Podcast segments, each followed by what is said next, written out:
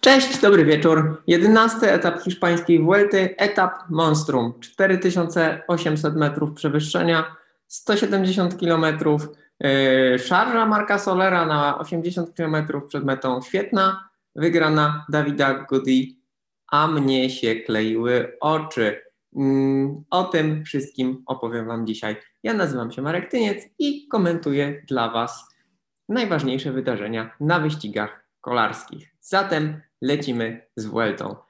Słuchajcie, etap ciężki. W ogóle to jest strasznie ciężki e, weekend, ponieważ jutrzejszy etap jest bardzo podobny do dzisiejszego, z tą różnicą, że e, na kolarzy przed metą będzie czekała nie Farapona, która jest ciężkim podjazdem, ale będzie czekało Angliru, który jest podjazdem mordercą, podjazdem monstrum, podjazdem legendą, ekstremalnie stromym, wąskim, ciężkim. E, I takie nagromadzenie trudności, ponieważ e, zarówno dziś, jak i jutro kolarze jadą cały czas góra-dół po stromych, wąskich, krętych drogach e, w Asturii. W Asturii, która jest przepiękna i no chyba trzeba się tam będzie kiedyś wybrać z rowerem, chociaż nie jest łatwo z tego co wiem dojechać czy dolecieć, już nawet nie mówię teraz tylko w ogóle, ale to, to, to jest przepiękne miejsce, jeszcze w tych jesiennych kolorach wygląda imponująco naprawdę ale kurczę, bez, e, bez jakiejś akcji to nawet te najpiękniejsze widoki e, powodują, no, że oczy się kleją. I tak naprawdę przepraszam, przepraszam, bo nakręciłem się trochę, jak zobaczyłem, że Mark Soler e, odjeżdża z peletonu, z przodu jest bardzo jakościowa, mocna ucieczka, gdzie był Godi, gdzie był Guillaume Martin, gdzie było dwóch kolarzy Sunwebu i do nich doskakuje Soler i robi przewagę, która w pewnym momencie jest bardzo bliska tego, y, żeby wirtualnie objął koszulkę lidera, kiedy ten Soler y, zdobywa jeszcze bonifikatę na premii, więc widać, że mu zależy. Ma tam swojego pomocnika, Oliveires, więc Movistar naprawdę ciśnie. Więc po pierwsze zastanawialiśmy się, czy z tyłu coś się wydarzy, czy może Mas i Valverde gdzieś skoczą. Yy, czy może Soler będzie faktycznie cisnął ile się da i, i, i spróbuje awansować może i na podium, a może zagrozić koszulce lidera. Yy, z tyłu widać było, że no, Jumbo-Visma wzięła znowu, drużyna Jumbo-Visma znowu wzięła na siebie yy, obowiązek prowadzenia peletonu i prowadziła ten peleton w mocnym tempie i to wszystko zapowiadało się naprawdę genialnie, a tymczasem no Soler jechał w tej ucieczce, ta ucieczka jechała zgodnie, solidnie i mocno. Peleton jechał zgodnie, solidnie i mocno. I tyle. E, I tyle. E, tempo na kolejnych podjazdach bardzo równe, bardzo mocne. Ta średnia prędkość podjeżdżania rzędu 1550 metrów na godzinę to jest na takim etapie to jest naprawdę bardzo solidne tempo. Tylko, że to tempo ani razu nie wzrosło. Mm, czyli jakby kolarze nie wspięli się nigdy na ten poziom, który powoduje selekcję.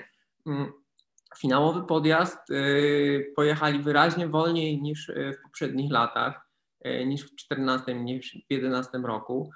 To no, z peletonu odskoczył Własow, tak goniąc ucieczkę, czy szukając, trudno powiedzieć czego. On jest 15 w generalce. Dzisiaj nawet ani nie spadł, ani nie awansował. Jedyny zawodnik, y, który mm, zanotował gorszy dzień, to był Esteban Chavez, który wypadł z pierwszej dziesiątki. Jego miejsce zajął Mikel Nieves, kolega z drużyny. E, czołówka klasyfikacji generalnej poszła w zasadzie tylko i wyłącznie na, e, na finish, e, ale między nimi nie ma, między nimi nie ma różnic, między nimi nie było różnic na mecie, między nimi nie ma różnic w generalce. Jest tak jak było. Ten dzień, e, jego skutki wszyscy odczują jutro, natomiast e, to, to nie był ten wielki, epicki dzień, e, o którym będziemy czytać, o którym będziemy rozmawiać. Natomiast no, takie dni też się zdarzają i czasami to jest fakt, czasami te etapy, ta kumulacja, wielka kumulacja trudności powoduje i daje takie efekty. No bo pamiętajmy, że kolarze to jednak są ludzie i tych wysiłków, które powodują selekcję, czy podejmowanych przez pomocników, którzy izolują rywali od ich pomocników, a w końcu sami odpadają i na kilkadziesiąt, kilkanaście, kilka, kilka kilometrów do, metą, e, do, do mety zostaje e, tych czterech, pięciu herosów, którzy jadą jeden na jeden, bark w bark i atakują siebie nawzajem. takich wysiłków można podjąć tylko kilka, kilka w sezonie, kilka na jednym wyścigu, a już na pewno nie każdego dnia, zwłaszcza mając w pamięci, że już za kilkanaście godzin trzeba będzie znowu cisnąć tak bardzo mocno. No i tyle. Słuchajcie, tyle. Ja zawsze staram się może nie usprawiedliwiać kolarzy, bo to nie chodzi o to, żeby kogoś usprawiedliwiać albo nie usprawiedliwiać. No to, to jest sport, a to nie jest teatr, tak? To są, to są atleci, to są y, kolarze, którzy zostawiają tam swoje zdrowie, a to nie są y, aktorzy, którzy grają w filmie, który jest kręcony przez kilka miesięcy i potem montowany, tak? To wyścig, cały wyścig ma swoją narrację, E, układ trasy powoduje, że ścigają się tak, jak się ścigają. No i efektem dzisiejszego, mm, dzisiejszego dnia jest awans Solera na szóste miejsce w klasyfikacji generalnej, odrobienie całkiem sporych strat przez niego. Jest szósty, teraz ma, teraz ma 50 sekund straty do swojego drużynowego kolegi Enrika Massa, który pewnie zbierał siły na jutro. Mm, nadal pierwsza czwórka mieści się w minucie. Osiu karty dzisiaj zanotował parę, parę sekundek straty, ale to nie ma większego znaczenia wciąż przed jutrzejszym etapem. No więc czekamy na Angliru.